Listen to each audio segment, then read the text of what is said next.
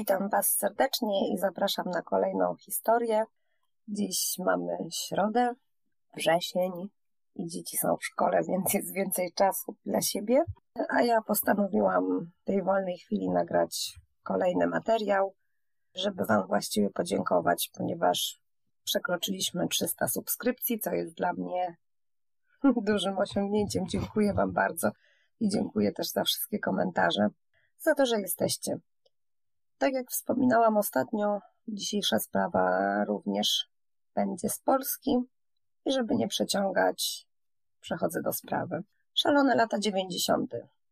Przemyt międzynarodowy kwitnie. Do Polski trafiają olbrzymie ilości papierosów, alkoholu i innych towarów z zagranicy. Wszelkiego rodzaju grupy przestępcze rozwijają się w błyskawicznym tempie. Duża ilość mieszkańców Rosji, Ukrainy, Armenii, lecz nie tylko przybywa do Polski, aby handlować swoimi dobrami. W Lublinie przy ulicy Pogodnej mieścił się niesławny hotel Oaza. W większej mierze jego gośćmi są obywatele wyżej wspomniani. Hotel liczy 10 pięter. Niewielka część pokoi jest zajmowana przez pracowników. Na piątym piętrze pokój numer 815 zajmuje Anna G hotelowa recepcjonistka wraz z mężem i córeczką. Anna i Marek są małżeństwem od 92 roku, jednak ich znajomość ma początek w 1987. Oboje mieszkali w Chełmie. Pierwszą żoną Marka była siostra cioteczna Ani i kiedy para postanowiła iść przez życie razem, wyprowadzili się do Lublina. Para prowadzi spokojne, ustatkowane życie, ich córka od września pójdzie do pierwszej klasy szkoły podstawowej. Mają w planach e, zmianę mieszkania. Mąż Anny pracuje na dwa etaty. W chówcu OHP oraz e, jest stróżem w przedszkolu. Dorabia sobie również na sprzedaży alkoholu. Zajmują się dystrybucją produktów Amwaya. Są to suplementy diety i produkty promujące zdrowy tryb życia. Para ma bardzo dobre relacje, są szczęśliwą rodziną, finansowo radzą sobie całkiem dobrze. Nawet ostatnio udało im się kupić auto i wymienić meble. Poniedziałek, 24 lipca 1995 roku, wczesny ranek, do hotelu Oaza zmierzają dwie kobiety pochodzenia ukraińskiego. Przychodzą tu co rano przed godziną piątą. U jednego ze znajomych mieszkających w tym hotelu trzymają towar, którym handlują na bazarze. Od momentu, w którym widzą drzwi hotelu, mają złe przeczucia. Wiedzą, że coś jest nie tak. Nigdy o tej porze nie są otwarte. Zawsze muszą pukać i to recepcjonistka je im otwiera. Kiedy wchodzą do holu, widzą, że recepcja jest pusta. Kobiety zmierzają do windy, gdzie znajdują ciało recepcjonistki. 29-letnia Anna leży na podłodze, cała skąpana we krwi. Kobiety krzyczą, udając się do pokoju znajomego, po drodze budzą innych gości. Kiedy w większej grupie ponownie schodzą na parter, widzą wchodzącego do budynku 38-letniego Marka G., męża ofiary. Mężczyzna odkrywa zwłoki żony, jest roztrzęsiony, płacze. Gdy orientuje się, że karetka i policja nie zostały jeszcze wezwane, rzuca się pędem do budki dozorcy mieszczącej się na parkingu. Zjawia się lekarz oraz policja. Rozpoczynają się wstępne przesłuchania i oględziny ciała. Anna została napadnięta przy drzwiach wejściowych. Ślady krwi prowadzą do windy. Kobieta ewidentnie uciekała przed oprawcą. W holu znaleziono jej but. Na rękach miała ślady obronne. Zabójca zadał jej wiele ciosów. Kilkanaście. Większość z nich w okolice brzucha i klatki piersiowej. Narzędzie zbrodni przykuwa uwagę śledczych. Rany ewidentnie były kłute, lecz ponad powierzchnię żeber wystaje tkanka płucna, jakby wyrwana, wyszarpana. Patolog stwierdza, iż śmierć nastąpiła około godziny czwartej nad ranem. Przyczyną zgonu było uszkodzenie serca oraz żyły płucnej. Szacowano, iż długość ostrza miała od 10 do 12 centymetrów. Ostrze było wyszczerbione bądź celowo spiłowane w taki sposób, aby wyciągając je, zadawać większe obrażenia. Ustalono, że drzwi hotelowe są zamykane o 22, a następnie otwierane dopiero o 5 rano. Co nie znaczy, że recepcjonistki nie wpuszczały gości między tymi godzinami. Osoby przebywające w obiekcie trudniły się sprzedażą alkoholu, często też były zamawiane kobiety do towarzystwa. Obsługa hotelowa między godziną 5 a 22 tak naprawdę mogła wpuścić każdego wedle swojego uznania. Policja sprowadziła psa tropiącego, lecz on nie podjął żadnych tropów. Przeszukano wszystkie pokoje hotelowe. Zabezpieczono wiele śladów biologicznych i odcisków palców. Szybko zorientowano się, że brakuje pieniędzy, opłat za noclegi i rozmowy telefoniczne, łącznie około 2000. Wiedzę, gdzie znajduje się puszka z opłatami za telefon, miała nieliczna ilość osób. Czy to było motywem morderstwa? Śledczym udaje się ustalić przebieg nocy. Ostatnią osobą, która widziała Annę żywą, był 28-letni Ukrainiec Juri po godzinie trzeciej. Wrócił z, kolegą do hotelu. Nim Anna otworzyła drzwi, mężczyźni widzieli przy recepcji dwóch, dwóch mężczyzn, którzy oddalili się w głąb korytarza, kiedy kobieta udała się w stronę drzwi. Panowie zeznali, że Anna wydawała się zdenerwowana, kiedy wpuszczała ich do hotelu. Kolega Jurija powiedział, że Ania zwróciła się do nich, lecz z powodu bariery językowej nie jest w stanie przekazać, co powiedziała. Nie zrozumieli jej. Dodali jeszcze, że jeden z mężczyzn był w wieku około 35 lat, miał rude włosy i garbaty nos. Natomiast ten drugi miał ciemne włosy. Zeznania obu mężczyzn pokrywają się ze sobą, oraz zeznaniami innych gości. Były w hotelu również tej nocy prostytutki. Panie do towarzystwa również widziały dwóch mężczyzn. Jednego o ciemnej karnacji i ciemnych włosach, drugi natomiast miał jasne włosy i ponoć porozumiewali się w języku rosyjskim.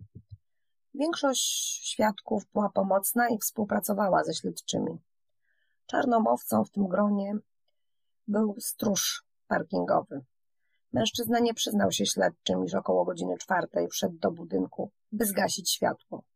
Przyznał się do tego mężowi ofiary, lecz zaznaczył, że nie wszedł do holu, by się rozejrzeć.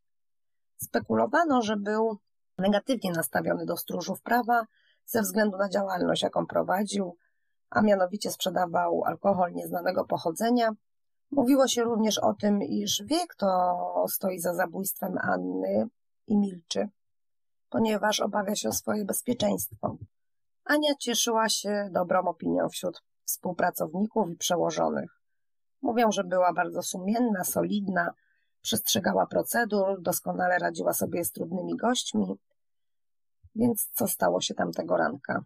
Co poszło nie tak? Koleżanka Ani z pracy mówi też o tym, że Anna dostała dwa telefony niedługo przed swoją śmiercią z niemoralnymi propozycjami. Zmienniczka Anny mówi, iż od jednej z zamieszkujących hotel kobiet usłyszała, że Ormianie szykują coś na oazę.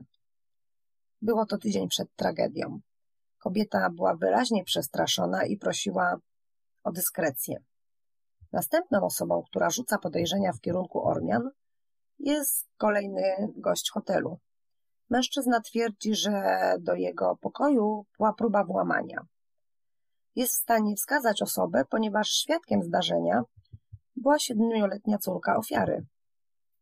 Mężczyzna dodał, że na bazarze słyszał, jak mówiło się o owym mężczyźnie, że ma w planach wyjazd do Niemiec i potrzebuje pieniędzy. Mało tego, planuje skok na oazę. Policja sprawdziła mężczyznę, lecz ten ma alibi, daje mu je jego żona. Recepcjonistka z hotelu dla uchodźców, w którym przebywał ten mężczyzna, Również informuje śledczych, że nie opuszczał tej nocy hotelu, lecz zaznacza, że mieszkańcy często wychodzą nocą przez okna. Tropów i hipotez w tej sprawie jest kilka. Począwszy od męża Ani, który powinien skończyć pracę o piątej, a przecież był w hotelu o tej porze, jak twierdzi niesiony złym przeczuciem. Następnie dwóch mężczyzn, którzy zbiegli ze szpitala psychiatrycznego. Po mężczyznę, który był karany za morderstwo i wyszedł, i wyszedł z więzienia niedługo przed morderstwem oraz małoletniego chłopaka, który również był karany za podobną zbrodnię. Trzy dni po zabójstwie w pobliżu oazy chłopiec znajduje nóż, który ewidentnie nosi ślady krwi. Jest to nóż składany. Następnego dnia są rozszerzone poszukiwania i zostaje odnaleziony kolejny nóż kuchenny oraz przywieszka do kluczy z hotelu. Badane są ślady linii papilarnych oraz krew z pierwszego noża.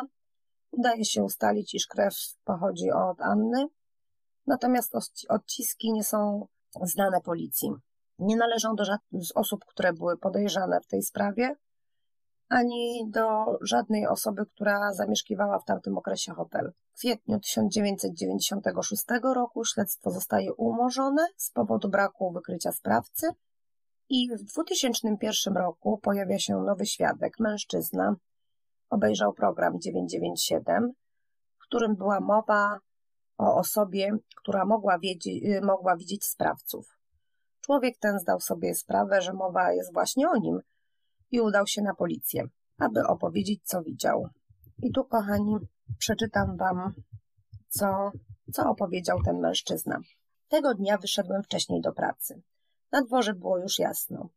Koło hotelu znalazłem się kilkanaście minut po godzinie piątej. Kiedy przechodziłem koło oazy, zauważyłem dwóch mężczyzn wybiegających z hotelu.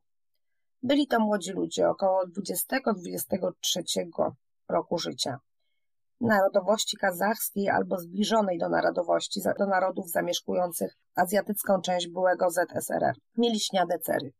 Jeden miał ciemne, a drugi rude włosy. Wybiegli nagle, bardzo szybko, przeskoczyli przez barierkę i pobiegli w stronę dzisiejszego sklepu makro. Kiedy wybiegali, zauważyłem na ręce tego niższego mężczyzny ślady krwi. Poszedłem za nimi. Oni biegli cały czas. Pamiętam, że kiedy oni biegli wzdłuż hotelu, to na przystanku autobusowym znajdującym się na ulicy Krańcowej stało kilka osób i też musieli widzieć tych mężczyzn. W pewnym momencie zniknęli mi pod rondem, u zbiegu ulic Witosa, Krańcowej i Chemicznej. Potem zobaczyłem ich na dole, jak usiłowali zatrzymać jakiś samochód ciężarowy. Zatrzymał się jakiś pojazd, wsiedli i odjechali. Samego momentu wsiadania nie widziałem, ale ci dwaj zniknęli koło wiaduktu. Przypuszczam, że złapali stopa. Mieli ze sobą torbę podróżną, ale niedużą. Wydaje mi się, że to zdarzenie obserwowała także kobieta z drugiego piętra bloku, znajdującego się na Pogodnej, tuż naprzeciwko wejścia do hotelu.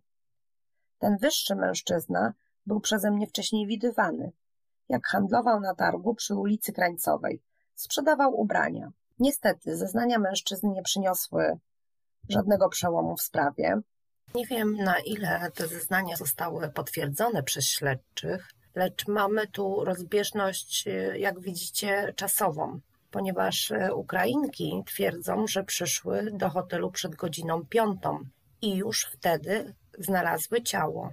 Nie widziały sprawców. Natomiast ten mężczyzna uważa, że po godzinie piątej widział mężczyzn wybiegających z hotelu. W 2014 roku pisało się o przełomie, ale nie było podanych żadnych konkretnych informacji i sprawą zajmowało się lublińskie Archiwum X, ale na tą chwilę ciągle jest cisza i nic nie wiadomo. Mordercy nie zostali schwytani. Mąż Anny natomiast mówi tak. Ania była bardzo ostrożną kobietą. Jestem pewien, że nie wpuściłaby w nocy do hotelu osoby, której nie znała. Poza tym sprawca znał doskonale rozmieszczenie hotelowych pomieszczeń. Wiedział na przykład, gdzie znajduje się włącznik światła. I kolejna sprawa, gdzie sprawcy pozostają nieznani i mimo tego, że upłynęło już wiele lat, nie zostało zbyt dużo czasu, żeby chwycić sprawców, ponieważ w tym roku minie 24 lata od tej zbrodni, a przedawnienie następuje po 30. Miejmy nadzieję, że te 6 lat wystarczy organom ścigania, aby znaleźć morderców Anny. To by było na tyle, kochani. Dziękuję Wam bardzo za wspólnie spędzony czas i zapraszam na kolejną kryminalną historię już niebawem. Cześć!